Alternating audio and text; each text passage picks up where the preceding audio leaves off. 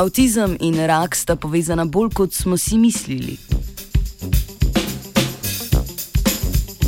Preko strojnega učenja do novih znanj o materialih. Avtizem je razvojna motnja, za katero so značilne težave s komunikacijo, socialnimi odnosi in ozek spektr interesov.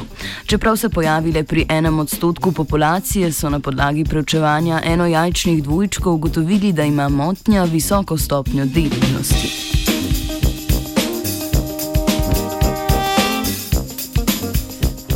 Ameriška raziskovalka Jacqueline Ann Crowley je v znanstveni reviji Trends in Genetics objavila primerjavo genov, ki so udeleženi pri različnih vrstah raka, avtizmu in drugih boleznih živčevja.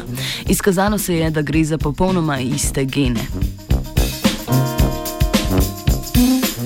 Toda kaj imajo skupnega rakaste celice in nevroni? Kot kaže, so to celični popravljalni mehanizmi. Če je njihovo delovanje moteno, pride do mutacij oziroma napak v genskem zapisu. Ker so geni nevronov navadno veliki, je tam večja možnost napak pri podvajanju genskega zapisa. Posledica teh mutacij je tako lahko rak ali pa motnja v žilčnih povezavah, ki povzroči razvojno motnjo. Manjše študije so že nakazale večje tveganje za pojav raka pri avtistih, tudi to je seveda odvisno tudi od drugih dejavnikov. Nove ugotovitve pa med drugim opozarjajo tudi na nove možnosti zdravljenja avtizma s protitumornimi učinkovinami.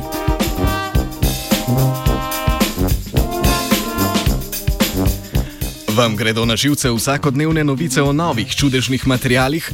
Hočete izbrisati kolege na Facebooku, ki lajkajo te bombastične presrilise, ki jih stalno kopira I fucking love science? Zdaj bo samo še huje.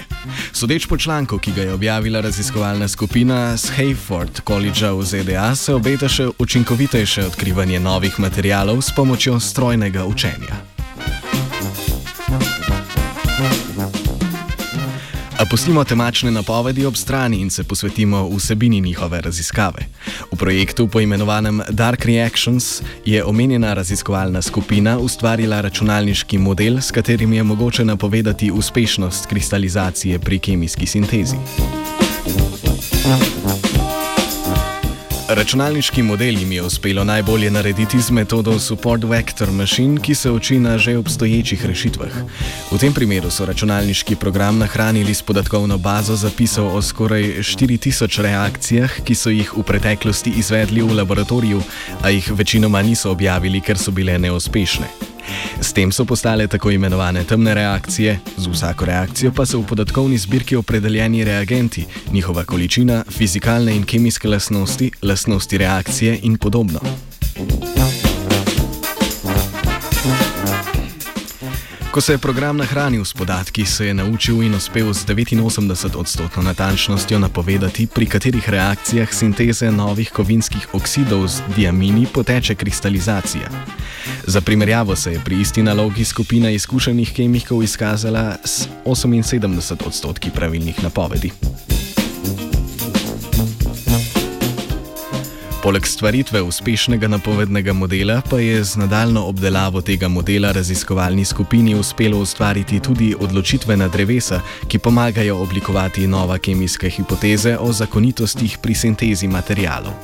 Celotna koda, ki so jo uporabili pri eksperimentu, je prosto dostopna na spletu na naslovu github.com pošiljka Dark Reactions.